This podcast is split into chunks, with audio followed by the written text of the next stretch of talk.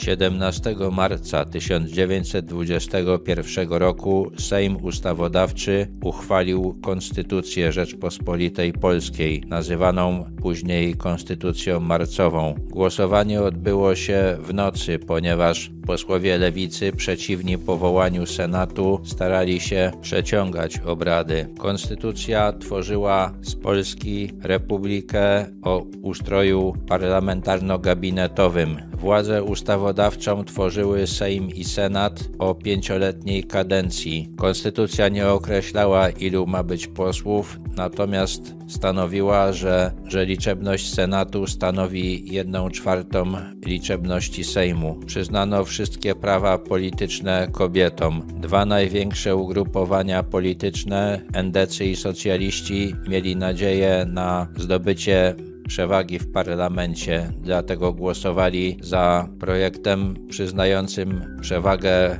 władzy ustawodawczej z prezydentem wybieranym przez Zgromadzenie Narodowe i posiadającym niewielkie uprawnienia. Oba główne ugrupowania obawiały się, że prezydentem może zostać Piłsudski. Wybory miały być proporcjonalne. Prawdopodobnie autorzy konstytucji pamiętali, że w czasach I Rzeczpospolitej, gdy posłowie byli wybierani w ordynacji większościowej i odpowiadali przed swoimi wyborcami, nie można było uchwalić podatków na wojsko. W tym samym roku odbyły się wybory do nowego Sejmu i Konstytucja ujawniła swoje braki. Wbrew oczekiwaniom głównych partii, żadna z nich nie zdobyła większości. Sejm był bardzo rozdrobniony i utworzenie rządu było możliwe tylko przy zawarciu koalicji, a koalicje łatwo się rozpadały. Rządy zmieniały się często i trudno było prowadzić jakąś długofalową politykę. W roku 1926,